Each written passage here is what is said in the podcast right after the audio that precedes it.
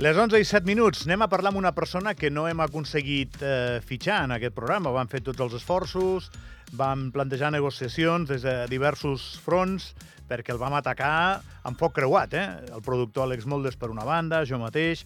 Pensàvem que havia de ser un fitxatge decisiu per guanyar la Lliga de, de l'audiència i al final no ens en vam sortir. Això és així. Tu no pots escollir qui vol jugar al teu equip, però almenys que vingui a fer una patxanguilla de tant en tant, doncs eh, igual ho aconseguirem. Us parlo de Josep Lluís Trabal, ell és el periodista que més i millor, que jo recordi, ha connectat amb l'anàlisi de la gastronomia i l'hostaleria al Principat d'Andorra des del punt de vista periodístic. Ha fet molt bona feina, l'ha fet aquí a la tele. Va fer un, un programa de vi, el recordareu, el Vinitus, que era boníssim aquell programa, estava molt bé a part és amic nostre, tampoc ens enganyarem, i dins d'aquest recorregut que té sobre la gastronomia, aquesta setmana signava un article deliciós, eh, i mira, ens va la metàfora molt ben, molt ben enganxada aquí, sobre una efemèride, una efemèride, que ja fa 20 anys que Andorra per primera vegada va entrar a l'univers de les estrelles Michelin. Un establiment d'Andorra, el restaurant Aquarius, va aconseguir rebre aquesta distinció, aquesta distinció i ell ho recordava amb els dos protagonistes, amb el xef Cristian Zanqueta i amb el sommelier eh, José Antonio Guillermo, que també està previst que, que parlem amb ell. Uh, I ara el que m'ha de dir el productor Les Moldes és a quin dels dos tenim el telèfon, que no ho tinc molt clar, molt bé. I aquest article el que retratava era aquell moment intens i especial en què els hi comunicaven això, doncs que tenien, que tenien una estrella Michelin i que, carai, que entraven en, en, en aquest selectíssim grup d'establiments que podien presumir de tenir aquesta consideració. Josep Lluís Trabal, bon dia. Què tal? Bon dia, com esteu? Molt malament, però quan tu entres al programa molt millor. Ja hem Bueno, explicat a, home. a tothom que has rebutjat eh, les temptatives de fitxatge d'avui serà un bon dia i per fronts diversos, però bueno, ho superarem. Bueno, i, i, tu, I tu saps que va ser amb, amb un molt dolor a l'ànima perquè m'encantaria poder venir molt, molt més sovint, però les hores donen pel que donen i a partits patxangueros, quan em truquis, saps que estaré encantat de venir. Jo només sé que estic intentant superar aquesta indiferència per part teva, el fuet de la teva indiferència, però avui estem parlant d'aquest article que hi signaves al Bon Dia, que està molt xulo, perquè em sembla que el que s'ho val és l'efemèrides en, en concret, i, i, bueno, què va tenir d'important i de rellevant aquell moment, Trabal, en la gastronomia andorrana? Bueno, per tenir un, un, un tema de notorietat sobretot, no? perquè al final estem parlant eh, que les, les estrelles Michelin ara mateix, gastronòmicament parlant, eh, en aquell moment sobretot potser eren el top del top del top, ara podíem inclús discutir-ho perquè sí que han aparegut altres llistes que han agafat una popularitat molt gran també, però en aquella època jo crec que no hi havia, d'aquest nivell no havia res més. I, no, i mai abans Andorra havia tingut una, un establiment eh, catalogat amb estrella dintre de, de la guia i, i a banda doncs, potser va començar a ser històricament un paradigma en un canvi de rumb en la gastronomia d'Andorra, no? I quan, quan cops ens hem cansat d'explicar no, home, és que fa molts anys a Andorra tothom deia oh, Andorra es menja fatal, no? I, I ara ja no és així. Potser va ser allò un punt d'inflexió mm, o, o part d'un punt d'inflexió que ens ha portat on estem ara, que gastronòmicament estem a anys llum de llavors, veritat? Tu creus que, que sí, que hi ha un efecte contagi, hi ha com un Big Bang, no?, eh, i que a partir de llavors eh, es comença a, a canviar la, la concepció d'això. Jo crec que sí, jo crec que sí, amb cuiners de, de, de, de l'època o de la generació que, que n'he parlat, eh, doncs tots potser coincidien amb això, no? que, que es va començar a fer... No, no només hi havia l'Aquarius, en aquella època hi havia un, una espècie com d'associació de, de cuiners i establiments que es deia la Fogaina dels Pirineus, on hi havia que recordar el Rus, on hi havia el Sant Marcos, gent com el Pablo Urcelai, eh, bueno, com, com el Flinch, no? I, i, i bueno, gent de la, de, de, del Plaza també hi eren, em sembla. Bueno, quatre o cinc restaurants que ja van començar a fer una aposta per, per, per reivindicar un, una gastronomia de qualitat a Andorra. I d'aquí, doncs mira, a poc a poc s'ha anat avançant i, i el país ha canviat i la gastronomia també i crec que tot ha millorat. I d'això, al final, eh, s'ha de fer una interpretació també turística, perquè crec que la, la, la millora en el segell gastronòmic també ha anat a parar, abans en parlem amb el ministre Torres, no? doncs a una espècie de, de roda que ha tingut una lògica diferent de la que tenia el país fa eh, 30 anys o 40, que era només el diferencial de preu. Tot això va parar en aquella roda, no, Trabal? És evident, el diferencial de preu, doncs, no, no diré que no hi és absolutament, però ha deixat de ser un factor diferencial. I, ara jo crec que l'aposta, i crec que Andorra Turisme ho està fent, i no només amb el tema gastronòmic, sinó a, a nivell general de país, l'aposta ha de ser clarament una experiencial, en venir a Andorra de ser una experiència, i, i la gastronomia hi compta i molt en aquest sentit, i, i, i jo crec que Andorra Turisme i Govern en aquest sentit han marcat molt clarament el, la línia estratègica de la gastronomia des de fa un parell d'anys amb, amb l'Andorra Taste i també apostant doncs, per altres cicles gastronòmics potser no, no tan notoris internacionalment, però, però que també s'estan fent. No? Fa res hem tancat l'Andorra Taula, eh, la mostra gastronòmica d'Ordino, ara la Massana Fogons, vull dir que s'estan fent moltíssimes coses. Trabal, si aquí fessin un Ministeri de Gastronomia series el primer de les travesses, eh? Home, seria el primer a la cua agafant torn.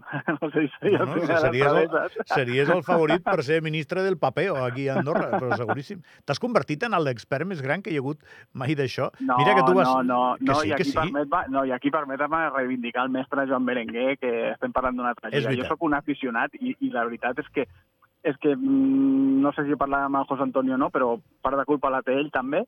Eh, jo em va començar a agradar això no fa tant i, i ara la veritat és que és una afició que, que m'agrada, que m'apassiona, que trobo que és un món fascinant i, bueno, mm, més enllà de la meva feina, que segueixo sent comunicador, però més amb l'àmbit corporatiu, quan tinc algun moment doncs, intento fer algunes col·laboracions i, i, i algunes cosetes per, per, doncs, per passar-m'ho bé eh, al final de la història. El que passa que, bueno, t'hi vas ficant, t'hi vas ficant i és inevitable que cada cop vagis, vagis aprenent més coses, no? Bueno, el primer no et treguis anys. O sigui, si ets bo, ets bo i, i punto. I deixa que els altres ho pensem. I el segon, gràcies, perquè la referència històrica és correcta. El Joan Berenguer va ser, jo crec, el pioner, i a més, sempre recordaré aquells programes que feia Ràdio Valir, aquest senyor, que s'ajupia davant del micro i semblava que parlava pel front. En Pau descansi i una abraçada des d'aquí al, al Joan No, i, Berenguer. ell, I ell sí que era una autèntica eminència, eh? Bueno, en sabia un Sí, munt, sí. coneixia tothom, va És fer molt veritat. per Andorra, la veritat és una figura. També n'he escrit algun cop al, algun article d'ell, quan alguna efemèride que ens va deixar, i la veritat és que és una figura captal. Bueno, i tu el que has fet és reenganxar-ho això i modernitzar-ho una miqueta, i, i aquests articles el que crec que és, és que ens connecten amb aquesta realitat del, del dia d'avui. Però bueno, el que anava a dir, Bandido, tu avui no estàs aquí. No, avui no, avui estic entrant a Barcelona ara mateix. Per què? pues perquè avui es fa, les, avui de fet, es, parlant d'Esteves Michelin, es fa la, la gala de, de la guia de- de- d'enguany, que es presenta a Barcelona, i, i vaig a veure si, si podem cobrir-ho i, i explicar alguna cosa del que passi aquesta, aquest vespre a Barcelona. A priori... Un, un dels privilegis que, mira, gràcies a haver començat a treballar i, i poquet a poquet anar ficant el peuet, doncs he pogut tenir. La veritat és que em fa molta il·lusió, no us enganyaré. A priori no tenim estrella, no?, aquí a Andorra, aquesta vegada, o no?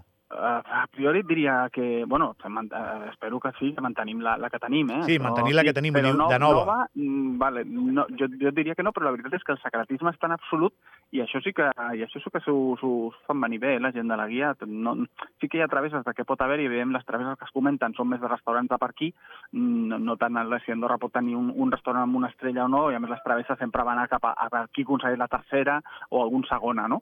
Però, però la veritat és que si hi hagués alguna sorpresa per Andorra mm, po- podria passar i no saber-ho, perquè no, no, no filtren gairebé res, per no dir-te que res. Tu, Trabal, quan vas a aquests saraus no pagues, no? Home, avui no. No, avui, quan vas a l'Andorra Taula a menjar i tot això, també vas for the face, no? algun cop tenen alguna cortesia, però he de dir que també pago les meves comptes als restaurants i molt a gust perquè trobo que és de justícia, eh? No, perquè jo estic intentant trobar una explicació a tant article de gastronomia amunt i avall, però clar, alguna explicació ha d'haver. No, la veritat és que molts eh, so- són, llocs, són llocs que vaig a sopar perquè, mira, vaig a sopar i si m'agrada hi escric, eh? No, no... I després fas l'article. Sí, sí, sí, no, almenys ho faig així, ja t'ho dic. I, i, I també surto molt menys del que sembla, eh? que l'altra gran frase és aquesta, estàs tot el dia a restaurants, no, tot el dia tampoc, eh? la veritat és que menys del que sembla. Va, dos preguntes i et deixo estar. I, i t'ha passat, et comença a passar ja que entres en un lloc en el que evidentment no vas avisant i, i vas a, a, a consumir, a pagar i després a fer l'article si cal, que ja et miren diferent, com li passava al difunt Néstor Luján, que entrava No, en un no. restaurant i s'activaven totes les alarmes?